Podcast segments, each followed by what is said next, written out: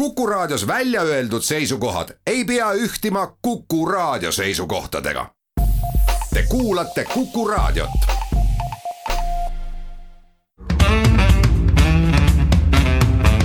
muuli ja Riikoja tere päevast, head kuulajad, kell on kuus ja pool minutit üksteist läbi, et on reedene päev, siis loomulikult ka saate Muuli ja Riikoja aeg. Kalle Muuli, Hindrek Riikoja Tallinna stuudios kohalt. tere päevast. alustame tänast saadet äh, Konstantin Pätsi monumendiga, mis on sellel nädalal vähemasti minu jaoks küll ootamatult palju kirgi kütnud. teiseks räägime juhtkonna vahetusest äh, EKRE-s Mart Helme asemel saab siis esimeheks äh, Martin Helme, Mart Helme. oled sa kindel, et sa nimedega ei eksinud? Äh, Mart Helme taandub ja Martin Helme saab esimeheks. õige, räägime ka võõrtööjõu teemadel, valitsuses on sellel teemal puhkenud väiksemat masti erimeelsused.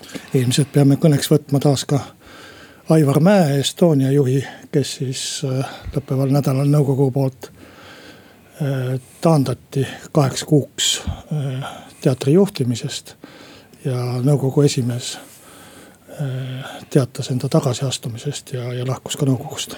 sotsiaalmeedias küsisid eile ja täna hommikul paljud, kas tuleb äh, koroonaspordivõistlus Vol kaks, viitega siis sellele, et eile sai avalikuks, et septembri alguses leiab ese, leiab äh, Lõuna-Eestis aset WRC ralli maailmavõistluste etapp, kui ma nüüd õigesti ütlesin seda kõike. no nii, see on veel keerulisem kui EKRE juhtide nimed, aga ja nüüd lõppu natuke sellist määramatust või põnevust ka, et kui vähegi aega on, siis jõuame rääkida äkki riigiametnike vahetumisest või lahkumisest ja võib-olla ei jõua ka. muuli ja Riikoja. ennem saadet siin vaidlesime pisut, et, et kui palju või mida üldse rääkida Konstantin Pätsi mälestusmärgist, nimelt sellel nädalal lõppes siis konkurss mille käigus valiti välja Estonia teatri taha kerkiv terk-, kerkiva Konstantin Pätsi no,. kerkivat, kerkiv on ütel-, vist palju ütelda selle asja kohta, et pigem selline nagu madalama moodi. noh, selles mõttes kerkiv, et ta ikkagi sinna nagu tekib või tekib.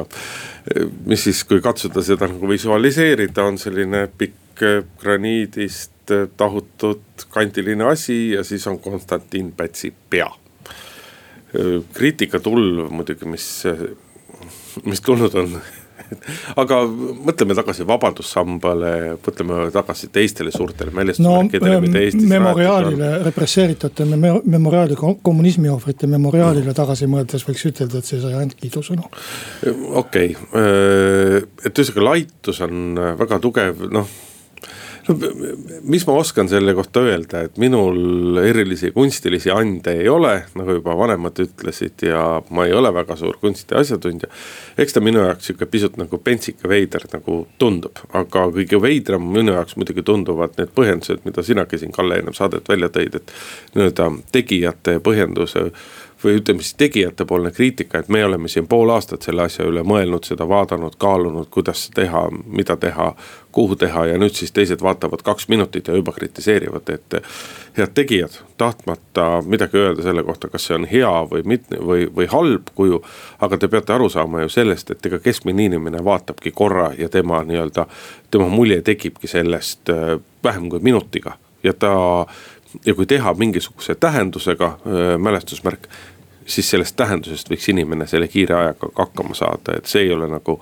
ei ole mõtet nagu oodata ja eeldada, et inimesed käivad pool aastat sellest mööda, muudkui kogu aeg vaatavad, mõtlevad, vaatavad, mõtlevad ja siis otsustavad, kas on ilus või ei ole, või on inetu. jah, et noh, saime nüüd lisaks maasikakasvatusele sellise ühe üldrahvaliku teema, millest kõik oskavad midagi arvata ja, ja tegelikult ma ütlen päris tõsiselt, et ma olen sinuga selles mõttes ühte meelt ma arvan, et ma olen oma elus Pätsi ja seda ajastut, kus Päts elas, Eesti ajalugu uurinud rohkem kui pool aastat, aga sellegipoolest ma ütlen, et igal inimesel on äh, õigus ja, ja ka pädevus linnaruumi kohta arvamust avaldada. ka siis, kui ta käib sealt Pätsi kujust mööda ainult seitse sekundit, mitte, mitte seitse kuud. et äh, see on meie ühine ruum ja, ja äh, keegi ju ei käi noh, ma ei tea oma sellist visuaalset muljet kujundamas nii, et kõigepealt istub pool aastat arhiivis ja siis, siis läheb tänavale. et, et ma arvan, et me ei peaks nii lähtuma ja, ja, ja igal inimesel on siin meie linnaruumi kujundamisel oluline arvamus. aga noh, Pätsi kuju enda kohta ju võis arvata, et selle kohta tuleb tohutu palju negatiivseid arvamusi, sest Päts ise oli ju vastuoluline isik. ja kindlasti tema suhtu- või suhtumine tema isikusse kantakse üle ka kujule mingil viisil. et, et selles mõttes ma, ma üldse ei imesta, aga kui me vaatame seda kuju niiviisi, et me noh, ütleme sellise turistipilguga, kes on laeva pealt maha astunud ja ei tea, kelle kuju see seal on lihtsalt selline mütakas seal äh, Estonia taga. siis ma arvan, et tegelikult ruumilahendusena on ta hästi õnnestunud. et äh, see, see paik jääb äh, visuaalselt ilus. ja mina, kes ma üldiselt ei ole vaimustuses Pätsi tegudest kolmekümnendatel aastatel ja võib-olla ei oleks isegi tahtnud seda kuju seal näha liiga tähtsa koha peal ehk Pätsi tegude jaoks ma ütleks, et minu jaoks selles konkreetses lahenduses on midagi sellist väga pätsilikku, midagi, midagi tögavat on isegi seal, ilmselt kuju autorid ei mõelnud niiviisi, aga ta on selline minu jaoks natukene koomiline. ja, ja sellepärast ma ütlen, et kuna Pätsi, ma olen, ma olen jõudnud Pätsi üle mõeldes selleni juba, et ta tundubki mulle endale ka koomiline natukene mõne koha pealt kogu oma edevuses ja kogu oma tahtmises olla kohutavalt Eesti rahva isa ja president ja kuulutada rahvas haigeks. et kõiges selles mulle tundub, et selles kujus on tabatud midagi väga sellist pätsilikku ja noh, las ta siis olla seal. nii et sulle meeldib või? ma ei saaks ütelda, see on vale sõna, et mulle meeldib, aga ütleme niiviisi, et. ma ise kartsin, et see tuleb midagi eh, totalitaristlikumad, midagi diktaatorlikumat, midagi, midagi vastikumat kuna ma eriti vaimustuses Pätsist ei ole, siis ma ütlen, et see kuju on selle Pätsi sellise algolemusega üsna tasakaalus. ma ei tea, kas ma suutsin delikaatselt väljendada nüüd ennast. jah, noh selge on see, et Konstantin Pätsile nii-öelda mälestusmärgi või, või kuju püstitamine, et see on. see on kahtlemata õige, sellepärast et kolmekümnendatest võib leida nii-öelda väga palju negatiivset tema tegudes, aga aga eks kõiki asju, punkt üks peab hindama omas ajas ja, ja punkt kaks, me ei saa üle ega ümber sellest, et tal on siiski ka Eesti Vabariigi ees väga suured teened. küsimus ongi nagu selles kohas ja küsimus on selles, milline ta on. noh, mina nagu nojah, tundub kuidagi nagu sihuke imelik, ma ei os-, mõista nagu vaimustusest kiljuda. aga eks lõpuks, kui nüüd muidugi ei juhtu see, et see tohutult suur nii-öelda negatiivne tähelepanu päädib lõpuks sellega, et seda kuju ikkagi ei kerki, ega me ei saa ka seda lõpuni välistada, siis eks inimesed nagu harjuvad temaga. et äh, minu jaoks on sellist, seda tüüpi kujude puhul alati pigem nagu probleem see, et. et tegemist on siiski nii-öelda silmapaistvate inimestega, jätmata ütlemata, kas heas või halvas mõttes, aga kahtlemata silmapaistvate inimestega. et selline pea, kuhu suure tõenäosusega inimesed hakkavad otsa ronima siin internetis juba visatakse nalja, et koertele paraja kõrgusega, et koertele oleks hea jalga tõsta ja et noh see nagu, see paneb mind sellistel puhkudel muretsema, aga ma olen muidugi ka võib-olla lihtsalt rumal inimene, et mina ütlen, et ega sellele vabadussambal ka nüüd midagi nii hirmsat viga ei ole. no vot selle, selle koha pealt ma sinuga vaidleks, aga, aga Pätsi puhul me peame kindlasti arvestama ka seda, et tegemist on mehega, kes oma eluajal laskis endale ise ausamba püstitada oma kuuekümne viiendaks sünnipäevaks. no me võime kujutada ette, mis tänapäeval juhtuks, kui mõni Eesti president püüaks endale ise oma eluajal sünnipäevaks au, ausammast püstitada. kujutage ette, Kersti Kaljulaid äh, laseks kuskile mingisuguse torni püsti. jah, aasta lõpus või, teeks. või, või Toomas Hendrik Ilves, tal oli paar aastat tagasi alles oli kuuekümne viies sünnipäev äh, oleks võinud ka endale kuskile sinna Ärma kanti ühe Ilvese monumendi panna. jah, laseks Tartu lennujaama näiteks enda järgi nimetada. et ainuüksi see mõte nagu peaks aitama Pätsi hästi iseloomustada ja mina muidugi ütlen, et see kuju, mis nüüd äh, Estonia taha pannakse, et see kindlasti Pätsile ei oleks meeldinud. Äh, see ei ole üldse tema maitse, et äh, ta oleks midagi muud tahtnud, aga kui mina ise oleks teinud kuju, ma oleks võtnud selle foto mis on Pätsist säilinud, äh, kui ta peab kahekümne neljandal veebruaril tuhat üheksasada üheksateist Peetri platsil kõnet. see on siis Vabaduse platsil tänapäevases keeles. et seal on ta noor, seal on ta Eesti riigi rajaja, seal on ta oma kangelastegu sooritamas ja, ja see on see, mille, mille järgi me võiksime teda mäletada, mitte nende sigaduste järgi, mis ta tegi kolmekümnendatel.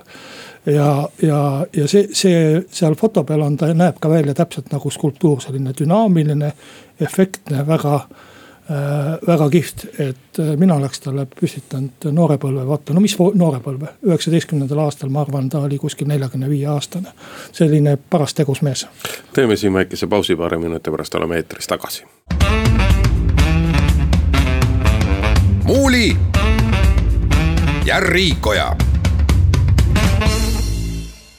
Jätkame saadet, räägime EKRE juhtide vahetusest, Mart Helme teatas siis lõppeval nädalal öö, oma lahkumisest või tagasiastumisest või, või kui väga täpne olla, siis sellest, et ta enam ei kandideeri EKRE esimeheks. ja noh, ootuspäraselt siis Äh, saab või kandideerib Martin Helme, tema poeg. kes, äh, kes küllap ka valituks osutub ja äh, mingis mõttes see vahetus oli ju prognoositav või oodatav. Mart Helmel on juba piisavalt aastaid, et natukene võib-olla kergemalt võtta. ja teisest küljest ka, eks ta ole juba ka olnud kaheksa aastat on minu meelest igas ametis päris pikk aeg. noh, meil on olnud ka pikemat aega erakonna esimehi, Edgar Savisaar ja. Ja eks Reformierakonna esimehed Siim Kallas ja Andrus Ansip olid ka oma kümmekond aastat ametis või rohkem.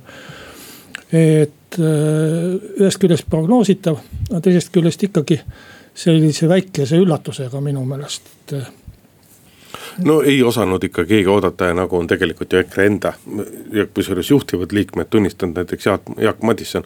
et ega nemadki ei teadnud veel reedel, et selline, sellist otsust hakatakse tegema või sellise teatega välja tullakse. ja ülla-, üllatav ta oligi minu meelest selle, selles mõttes või sellepärast ma kasutasingi sõna üllatav. et ta nüüd konkreetsel hetkel ja, ja konkreetses sellises ajas. et see, et Mart Helme taandub, oli vist siin ministriameti puhul jutuks isegi isegi aasta algul või midagi sellist. aga ma arvan, et, et iseenesest sündmusena on see väga hästi ajastatud.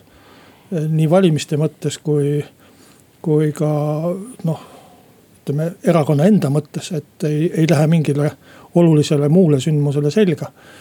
aga ka võib-olla Eesti poliitikas laiemalt on see positiivne areng, et, et et äh, Martin Helmel on hoopis teine kuvand tegelikult kui Mart Helmel. see võib-olla tundub küll, et isa ja poeg ja kogu aeg püha vaim ja, ja muud sellised asjad.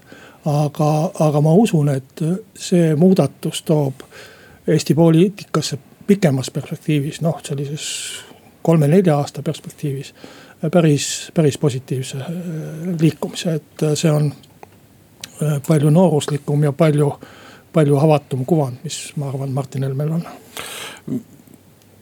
ühest küljest väga selgelt see nii-öelda tõestas ja kinnitas seda kuvandit, et tegemist on pereäriga. või pereerakonnaga, et äh, isekeskis otsustatakse, isekeskis jagatakse nagu ametid, ametid ära. kas see EKRE-le kasu võiks tuua? mina ei ole selles sada protsenti kindel, et EKRE-l sellest nii-öelda ainult võita on ja just nimelt selles mõttes äh, mitte võita, et, äh, et Martin Helme on äh, nii-öelda jättes kõrvale maailmavaated ja kohatine väljendusviis, siis ta ikkagi laias plaanis on, ta on äh, märksa rohkem diplomaat kui kunagi ka päris diplomaadi, diplomaadi ametit pidanud äh, Mart Helme. ja ta on võib-olla natuke selles mõttes ümmargusem, vähem reljeefsem ja mingisugusele osale EKRE valijatest see ei pruugi nii-öelda nagu istuda, et selles mõttes just kui mõelda nii-öelda uue valijaskonna leidmisele, ma ei ole tingimata kindel, et sellest kasu võib tuua. huvitav küsimus on hoopis see, et mis on Mart Helme enda edasised ambitsioonid, et räägitud on sellest, et ta võiks kevadistel valimistel asuda ise Henn Põlluaasa asemel parlamendi esimeheks räägitud on sellest, et äh, Mart Helme tahab saada presidendiks, mäletatavasti ta ka viimastel presidendivalimistel kandideeris. umbes kuueteistkümne häälega. aga seal juhtus selline õnnetu lugu, et äh, ta sai valimiskogus väiksema toetuse, väiksema häälte arvu, kui oli tema nii-öelda ülesseadmise avaldusel allkirju, allkirju all ja, ja tegelikult vähemasti ühes sellenädalases intervjuus ka Mart Helme ütles, et ta nii väga ei oleks sellest presidendi kohast nagu huvitatud. et eks ta selles mõttes kindlasti saab nagu väga hästi aru, et tema šanssid Eesti Vabariigis presidendiks saada on, on lähiaastatel küll nii-öelda pehmelt öeldes kasinad. noh, sellest oleks jah kahju, kui nüüd EKRE hakkaks sellist joru ajama, et Mart Helme peaks presidendiks saama, et. esiteks on see lootusetu üritus ja teiseks rikub see paljude teiste lootused ära, aga äh, ma arvan, et äh, see, mis Mart Helme edasi tegema hakkab, ei olegi niivõrd oluline, kui ikkagi see, mis Martin Helme hakkab edasi tegema. et selles mõttes noh, äh, ma nagu EKRE pärast ei muretseks, et kust nemad oma valijaid saavad või midagi, aga minu jaoks on oluline Eesti poliitika, Eesti parlamendi selline üldine pilt ja selles mõttes on kindlasti see, see hea ja positiivne areng, et äh, EKRE, kuidas sulle ütelda siis noh, tsiviliseerub või, või paketi kõlblust, kõlblu, kõlblustikub, ei pea nii keerulisi sõnu ütlema. kõlbulikumaks muutuma. kõik said nagunii aru, ilma tõlketa. aga, aga et, et selles mõttes on hea, et kui sa vaatad EKRE-t kui uut jõudu, mida ta ju päriselt ei ole et siis tema üks selliseid nõrkusi, mis on, on see, et ta ei ole Eesti poliitikasse eriti palju uusi säravaid poliitikaid, poliitikuid toonud ja noh. mis mõttes El... eriti palju, ta ei olegi sisuliselt. Martin Helme neist on, Martin Helme no, Martin on Helme... kindlasti kõva poliitika ja, ja seda ma tahtsingi ütelda, et, et, et tema on nagu selline äh, üks, üks selliseid äh, noh, positiivseid asju, mis on toodud, et ta on kindlasti silmaringiga ja kindlasti kindlasti ka poliitikas osav. aga kõik eelmised tulijad, kui sa mõtled Res Publica peale või ka üheksakümnendatel Reformi peale, kui nad tulid, siis oli sellega kaasa tuli ka selline päris suur hulk uut jõudu poliitikasse, aga praegu seisab Eesti poliitikas see vesi ikka nii paigal kui, kui paigal. väga kõva häälega räägiti eelmisel nädalavahetusel ja nädala algusel, alguses sellest, et selle muudatuse üheks eesmärgiks on tõsta ikkagi EKRE Eesti erakonnaks number üks, toetada siis toetuse poolest ja saada pärast järgmiseid parlamendivalimisi, mis noh, ütleme siis pisut vähem kui kolme aasta pärast ees seisavad, et seal siis võiks EKRE-st saada ka peaministripartei. aga selle jaoks, et EKRE-st võiks peaministripartei saata, selle jaoks nad peaksid oma retoorikat nagu väga tugevalt muutu, muutma, et praegu nad on, nad on väga terava väljaütlemisega, nad on väga väga äkilised, mingisugustes seisukohtades väga nagu rangelt kinni. aga selliselt sa ilmselgelt nii-öelda nagu masse ei võlu, et sa võtad oma kuusteist või kaheksateist või kakskümmend protsenti toetusest. aga et saada Keskerakonna või Reformierakonna liiki, kellest üks on pisut üle kolmekümne, teine pisut alla kolmekümne protsendise toetusega. et selle jaoks sa pead olema, sa pead selline nagu tasapaksu olema, et iga, iga massidele mõeldud asi on kõikidest nurkadest ära siil ära nüritud, on tehtud selliseks ümmarguseks, lamedaks. tihtipeale mitte midagi ütlevaks, et eh, EKRE kindlasti praegusel hetkel Eesti poliitmaastikul nagu selline erakond ei ole ja see nagu takistab ka seda peaministripartei staatust saamas no.. eelduses, et see eeldab ka nii-öelda kõige suuremat häältesaaki parlamendivalimistel? ma vaidlen sinuga siin ainult teoreetiliselt praegu ja ütlen, et Eestis on peaministriparteiks olnud ka partei, mis on saanud parlamendivalimistel kolmanda tulemuse. ma ütlesingi, et eeldusel, et nii-öelda peaministripartei on ka kõige suurem häältemagnet valimistel. et äh, Reformierakond, äh, äh, ma arvan, et Siim Kallase peaministri oleku ajal oli selline partei, kus oli häälte tulemus alles kolmas. aga, aga noh, see peaministriparteiks oleks, on selline parteiline retoorika, et, et. no ometigi on see iga partei unistus siiski. seda küll jah, aga ma arvan, et ega Eesti poliitikas ei, see on niiviisi üles ehitatud, nii tugevalt on Eesti põhiseaduse ja valimisseaduse kaudu need asjad tasakaalustatud, et sõltumata sellest, kes see peaministripartei on, on Eesti poliitiline joon ikkagi noh ei, ei kaldu kuhugi äärmustesse. et see ei ole võimalik, et meil, meil isegi siis, kui tuleks mingisugune äärmusjõud peaministri parteiks. ma ei tea küll, kuidas ta saaks tulla, aga ütleme, et teoreetiliselt juhtuks selline asi mingisuguses meeltesegaduses. et ka siis eh, ei kaldu Eesti äh, igapäevane poliitika kuskile fašismi ega kommunismi ega mingisugustesse muudesse sellistesse äärmustesse äh,. koalitsioonivalitsused Äh, parlamentaarne kord, äh, president seda tasakaalustamas, riigikohus, et äh, ma ütlen, et ajal, kui me tähistame oma põhiseaduse järjekordset aastapäeva, just äsja olid põhiseaduse rahvahääletuse aastapäevad ja põhiseaduse jõustus, jõustumise aastapäev. et võiks ütelda, et see on väga õnnestunud põhiseadus ja, ja see aitab meil üle elada palju raskemad ajad kui EKRE peaministriparteina. ma siiski selles mõttes vaidlen sulle vastu, et tegelikult on ka Eestis võimalik ikkagi ka nii-öelda äärmuslikul parteil väga palju oma agendast äh, valitsuses ellu viia. sellepärast, et noh, ei ole ju mingi saladus, et kauplemine käib tihti vorst vorsti vastu. et selles mõttes EKRE-l on võimalused olemas, aga teeme siinkohal pausi, pool tunni uudiseid kuulame ära ja siis oleme eetris. muuli ja Riikoja. tere tulemast tagasi, head kuulajad, Kalle Muuli ja Hindrek Riikoja on jätkuvalt stuudios ja läheme oma saatega edasi. valitsuses on mõningased erimeelsused selles osas, mida teha võõrtööjõuga, mäletatavasti on läbi kogu selle koroonaepideemia aja kurtnud esimese hooga põllumajandussektori esindajad, aga tegelikult teiste valdkondade esindajad seda, et kuna meil on võõrtööjõu sissetoomine on niivõrd raskendatud, siis paljud meie tööd jäävad tegemata, meil ei ole oma inimesi võtta. valitsuses on, kui esialgu olid nagu kõik koalitsioonierakonnad sellele vastu, siis nüüd on jäänud EKRE selles vallas nagu üksinda. EKRE jätkuvalt viitab sellele, et meil on endal viiskümmend tuhat töötut, et mis jutt see on, et me ei saa et me peame võõrtöölisi sisse tooma, aga noh, see lihtsalt peegeldab tegelikult sellest, et perekond Helmed ei saa jätkuvalt aru sellest, et äh, küsimus ei ole mitte töötus kui sellises, vaid küsimus on selles, mis oskused sellel töötul on. ja lõviosal nendel äh, töötutel, kas neil ei ole valmisolekut teha neid töid, mida vaja on teha, noh, ma ei tea, on see siis maasikat korjata või neil ei ole lihtsalt ettevalmistust, et minna tööle kui me räägime põllumajandussektorist, lüpsjaks, minna tööle kuivatisse minna tööle traktoristiks, milleks iganes, et see ei, see ei ole tänapäeval, ei ole need enam ammu sellised tööd, kus noh. et kuhu sa võid sisuliselt nii-öelda algharidusega minna, sest et käed on ikka otsas ja midagi kätega teha oskad noh, ma ei usu nende ukrainlaste suurde haridusse ka, aga, aga äh, ma olen sinuga. Nad on kogemustega inimesed. ma olen põhimõtteliselt äh, sinuga nõus ja üks asi. veel mida... paar kuud tagasi olid sa küll ma ajutist ja hooajatööd olen alati pooldanud äh, seda, et tuua neid sisse. ja see on ausalt öeldes maailmavaatest tulenev ja ma seletan selle maailmavaate kohe ära, ehkki ma mõtlesin, et ma räägin seda pärast. väga palju on nimetatud seda orjatööks, aga minu meelest on see täiesti vale. sulasel ja orjal on väga suur vahe orjale ei maksta palka ja orjaga kaubeldakse, ori on asi.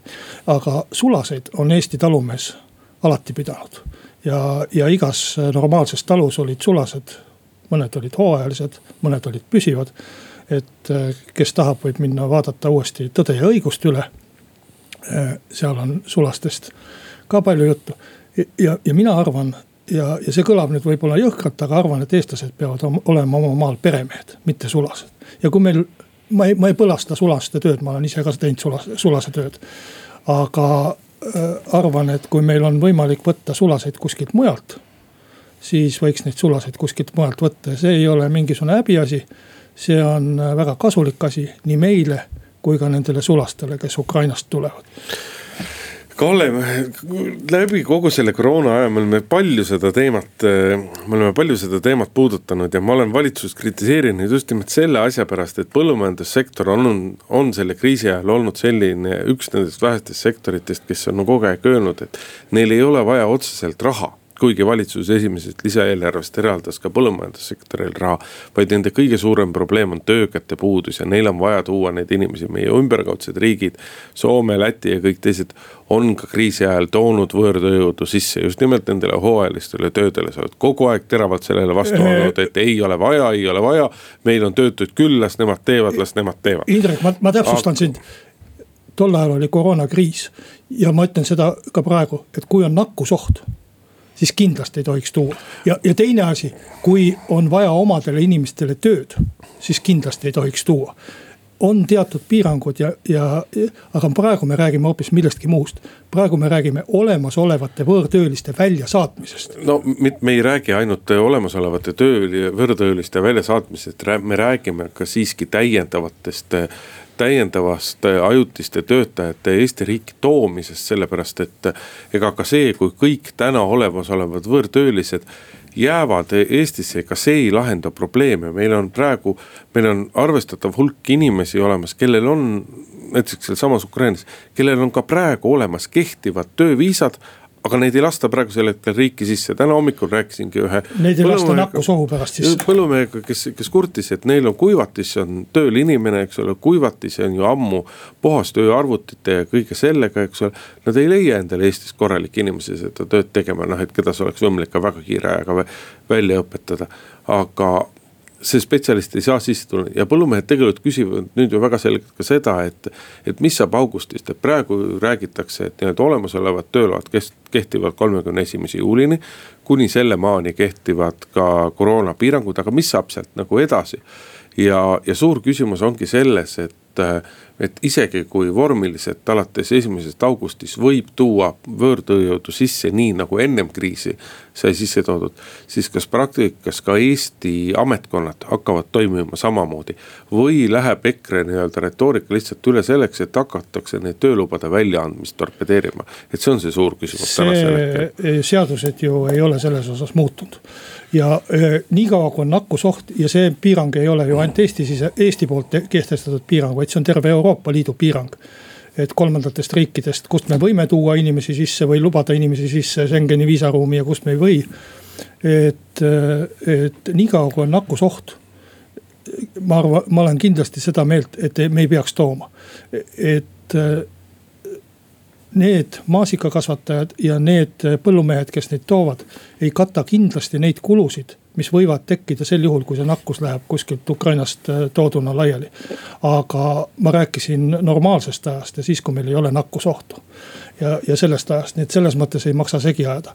aga, aga piirangute puhul muidugi, et nendega ma olen nõus, et tervisega ei maksa meil küll mängida ja, ja, ja äh, mingisuguse ühe või kahe äh, tootmistalu pärast hakata riskima sellega, et terve Eesti on, on pärast viirust täis ja, ja kõik jälle põeme. muuli ja Riikoja vahetult ennem jaanipäeva lahvatanud skandaal Rahvusooper Estonia juhi Aivar Mäe käitumise ümber on tuure ainult äh, juurde kogunud, kui eelmise nädala lõpus kogunes Rahvusooperi nõukogu ja otsustas, et ta et ta uurib pisut, aga sisuliselt ei tee midagi, siis ähm, eile otsustas nõukogu peatada kaheks kuuks Aivar Mäe töölepingu. ja ka nõukogu senine esimees Arne Mikk loobus oma kohast äh, ja uus äh, nõukogu esimees on nii-öelda hoopis kuidas seda siis nii-öelda hoopis tasakaalukamatel seisukohtadel ja vähemasti sõnadest saab nii-öelda probleemi olemusest täiesti aru. et mina isiklikult arvan, et see oli väga, et see oli väga õige samm, et kindlasti ei oleks pidanud Aivar Mäed hakkama kohe nii-öelda nagu lahti laskma. aga see, et ta mõneks ajaks nii-öelda taandub, see on, see on, see on väga mõistlik, see on väga õige, see, et Rahvusringhääling, rahv-, vabandust, Rahvusooper, mitte Rahvusringhääling. et Rahvusooper toob ka majja nii-öelda nõustajad, kelle poole inimestel on võimalus anonüümselt selles mõttes anonüümselt pöörduda, et nende, nende nimed ei ole kohe juhtkonnale avalikud. ka see samm on nagu õige, et, et siin kiputakse tihti ära unustama see, et, et kõik probleemid, mis olla võivad, ei ole tingimata kriminaalsed probleemid kohe, et ka politsei või ka prokuratuur on algatanud uurimise mis kindlasti selgitab oma tõe välja. aga kui ka prokuratuur või politsei ütleb, et nii-öelda midagi kriminaalset olnud ei ole, siis see ei tähenda automaatselt seda, et nii-öelda nagu kõik on korras ja Estonias sees tuleb selle probleemiga kindlasti edasi tegeleda. omamoodi mind muidugi hämmastavad need, need sajad inimesed, kes on toetuskirjadele oma allkirja andnud, et minule tuletab see kõik meelde kangesti usume Andrus Veerpalut, millele tipphetkel peaaegu seitsekümmend viis tuhat inimest oma nime alla pani ja me kõik teame, mis sellest asjast sai. aga eks ta ole ka teiselt poolt samamoodi, usume Andrus Veerpalut, et mina küll ei poolda seda, et inimesi mõistetakse Eestis kas tööalaselt või kriminaalselt või ükskõik mis viisil süüdi ajaleheartiklite alusel. ma olen sinuga täiesti nõus ja sellepärast ma ütlengi, et praeguses olu-, äh, aga samas noh, sa ka vana ajakirjanikuna pead möönma, et. et kindlasti antud puhul siis Eesti Ekspress ja teised meediakanalid, kindlasti on nad väga põhjalikult ja väga põhjalikult kõik kogu selle temaatika läbi kaalunud, pidanud nõu juristidega. et seal nii-öelda noh, nagu lihtsalt paugutama ei ole tuldud, et et endas ja oma kirjutatu õigsuses oleks ikkagi väga keskmisest tunduvalt enam veendunud. ma ei ole Ekspressi kohta ühtegi paha sõna ütelnud, ma arvan, et äh, sellisel teemal. Äh, sellise hulga allikate puhul võib kirjutada anonüümsetel allikatel artiklit küll, aga aga see ei tähenda, et need instantsid, antud juhul siis Estonia nõukogu või, või, või mingisugune muu veel kõrgem organ sealt, ministrid võiksid langetada lihtsalt ajaleheartikli põhjal otsuseid. seda loomulikult. või, või ka avalikkus, et nüüd Aivar Mäe on süüdi või süütu või mis iganes, et ma arvan, et. Et Eesti riigis nii need asjad ei peaks käima, et, et me võtame ajalehe ja lööme sellega inimese surnuks. ajalehes võib selliseid asju kirjutada, aga ma arvan ka, et Aivar Mäest oleks kohane ei ole küll väga sageli inimestele kohtus käimist äh, soovitanud. aga antud juhul arvan küll, et selleks, et äh, tõestada oma süütust või näidata oma, oma äh, sõnu ka tegudega, ta peaks Ekspressi kohtusse kaebama. ja siis peaks Ekspress oma väiteid ka kohtus tõendama. no väidetavalt Aivar Mäe kaalus seda väga tõsiselt, aga on, on väidetud, et et nii-öelda esimene hoog on, on tugevalt üle läinud, sellepärast et talle on õigusspetsialisti poolt just juhitud tähelepanu sellele, et tõenäoliselt on ka Ekspress sellist asja nii-öelda kirjutades kõik väga põhjalikult läbi kaalunud, et et seal ei või sugugi kindel olla, mis see nagu tulemus on. juriidiliselt on see keeruline, aga ma arvan, et inimene, kes, kes väidab, et ta on täiesti süütu, peaks noh demonstratiivselt juba selle sammu astuma ja, ja minema siiski kohtusse sellega äh, vaidlema. nii ei saa, saa see ju jääda, kui sa loogiliselt mõtled. et sinu kohta kirjutatakse täielikku valet, noh nii nagu ta väidab või, või peaaegu täielikku valet. noh, ka Aivar Mäe väljaütlemised on läinud nii-öelda selle nädala-pooleteisega ka nii-öelda pehmenenud ja eile ta ju teatas, et äh, tulenevalt uurimisest ta rohkem ei kommenteeri seda teemat, mis siis, ja, ja siis sa jätad selle noh vale lihtsalt kummutamata või selle, sellega vaidlemata, et selles mõttes ma arvan, et mingisugune juriidiline lahendus siin ikkagi oleks parem kui see, et kõik need väited jäävad vähemalt formaalselt nagu jõusse. aga, aga noh, võib-olla ta siis loodab uurimistulemuste peale, et ei pea ise eraisikuna hakkama kohtus käima, vaid kriminaaluurimine annab siis talle juba õiguse. loode-, ma mõtlen tema vaatest. muuli ja Riikoja.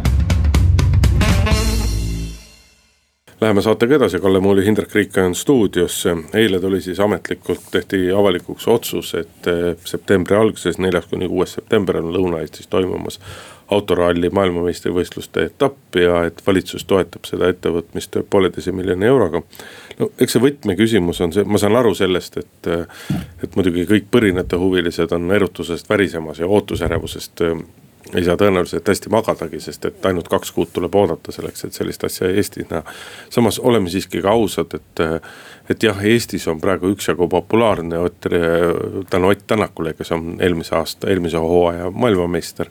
aga tegelikult nii-öelda maailma mastaabis on tegemist siiski suhteliselt marginaalse spordialaga ja ka autospordi enda äh, hierarhias on ta suhteliselt nii-öelda nagu noh, ütleme siis ka teise, teisejärgulise võistlusega on tegemist. riigi seisukohast seda toetada on muidugi mõtet ainult juhul, kui, kui siia tõepoolest tulevad ka, tuleb ka hulgaliselt pealtvaatajaid, eelmine aasta arvutati, kui ma ei eksi, siis konjunktuuriinstituudist välja, et. et see suhtarv on selline, et seniste Rally Estoniate põhjal, et, et kui riik panustab äh, miljon eurot, siis äh, nii-öelda kõik need inimesed jätavad Lõuna-Eestisse maha suurusjärgus neli miljonit eurot aga me ei saa üle ega ümber sellest koroonaepideemiast ja kui me mõtleme tänastele standarditele, eks sul võib ühes kohas olla tuhat kuni tuhat inimest ja sa pead nüüd siis järgima mitte enam kaks pluss kaks reeglit, vaid. kuidas seda sõnastati, sotsiaalse mõistlikkuse printsiipi või, või mida, mida iganes, siis noh, seni me oleme rääkinud ikkagi kordades ja kordades ja kordades suuremast publiku huvist noh äh, ausalt öeldes mina olen autospordis nii võhik ja et ma ei oska isegi tema hierarhiat määrata ei spordialade ega, ega. ma tunnistan sulle ausalt, et mina ka, aga meil siin on head äh, sporditoimetajad on olemas ja me oleme kunagi vaadanud seda. poliitikute keeles öeldakse, sa oled briifitud, aga ja ma, ma ei kujuta ette isegi, kuidas seda spordiala nagu jälgitakse, äh, kas tuhat inimest kogunevad ühte kurvi kõik või, või hajub see terve trassi peale ära. ei, need on ikkagi, need on ühes kohas koos, osad on niisama veedavad hästi aega. aga tõsisemad huvilised on ikkagi koos stopperitega tee ääres. seal, kus surma võib saada. ei, miks just seal, aga saavad ka juba siis nii-öelda väga selgelt ise kogu aeg hoida sõrme sündmuste pulsil. aga ma arvan, et hoolimata sellest, palju seda publikut tuleb ja kas tuleb üldse või tuleb väga palju. ja, ja sõltumata sellest, kas siis ühe miljoni asemel tuleb meil neli miljonit äh, eurot tagasi. et praegusel ajal, kui turismiga on eriti raske ja, ja vaja oleks äh, elu jälle kuidagi käima saada. ma arvan, et praegusel ajal, isegi kui see ei tasu ennast otseselt rahaliselt ära äh, selle ühe võistlusega, et tegelikult selle toetamine ja raha eraldamine ja, ja selle asja ärakorraldamine ja no ikkagi mingil määral ju mingisse telepilti sa saad selle asjaga ja, ja mingisuguseid kuulutusi ja reklaame ja asju. no Se poolteist selle... miljonit siiski on võimalik efektiivsemalt kulutada kui, kui see, et, et siin, et Eestit näidatakse WRC ülekannet. kui sa ütled koha, siis võib sinna veel teise pool, poolteist miljonit, miljonit minu meelest kulutada. aga ma arvan, et tegelikult me peaksime selliseid pingutusi praegusel ajal eriti tegema. et saada endal turismi käima ja et saada ka äh, sedalaadi üritusi käima ja, ja ma arvan, et see on positiivne, mis toimub jah, muidugi on positiivne, sest et ega mind ennast ka rallisport väga ei köida, aga kui inimesed tulevad, aga noh, selle puhul ei tohi seda siiski seda nii-öelda hoolsust ei tohi kaotada, et hooletuks ei tohi muutuda. sest et see on, tegemist saab olema tõenäoliselt väga suure rahvusvahelise huviga, sellepärast et Soomes jääb, jääb suur autoralli ära, kindlasti on väga palju soomlasi tulemas, kindlasti on väga palju lätlasi tulemas. ja on ka mingisugune kogus, mitte küll väga suur hulk inimesi ka teistest Euroopa riikidest, kes käivad suhteliselt regulaarselt selle WRC karusselliga kaasas, et selles mõttes. igalt poolt sisuliselt üle maailma on tulemas turiste, on tulemas nagu huvilisi ja, ja, ja noh, need, need riskid on kõrged muuli ja Riikoja jätkame saadet. noh, lõppeval nädalal tuli äh, ridamisi äh, uudiseid sellest, kuidas suhteliselt kõrged riigiametnikud lähevad teisele tööle. küll ilma erilise dramaatikata selles mõttes, et kedagi ei lastud lahti. ja kellelegi ei heidetud ette ka otseseid mingisuguseid rikkumisi, lahkub siis maksuameti peadirektor, maksuameti peadirektori asetäitja Eh, kes on küll juba pikemat aega lahkumas olnud, aga, aga ei saanud vist ka sellesama kuulsa koroona tõttu ametit vahetatud. kuna ta läheb välismaale tööle. ja, ja lahkus siis ka terviseameti eh, asetäitja, eelmisel nädalal oli see vist, kui lahkus terviseameti. no tegelikult sellel pea, nädalal pea, oli viimane tööpäev. jah, peadirektor. ja lisaks Tallinna linnasekretär Toomas Sepp ka. jah, ja, ja õige, Toomas Sepp on ju peaaegu et legendaarne, et ega seal meil iseseisvuse ajal rohkem neid linnasekretäre vist olnud sisuliselt ei ole, kakskümmend kaheksa aastat.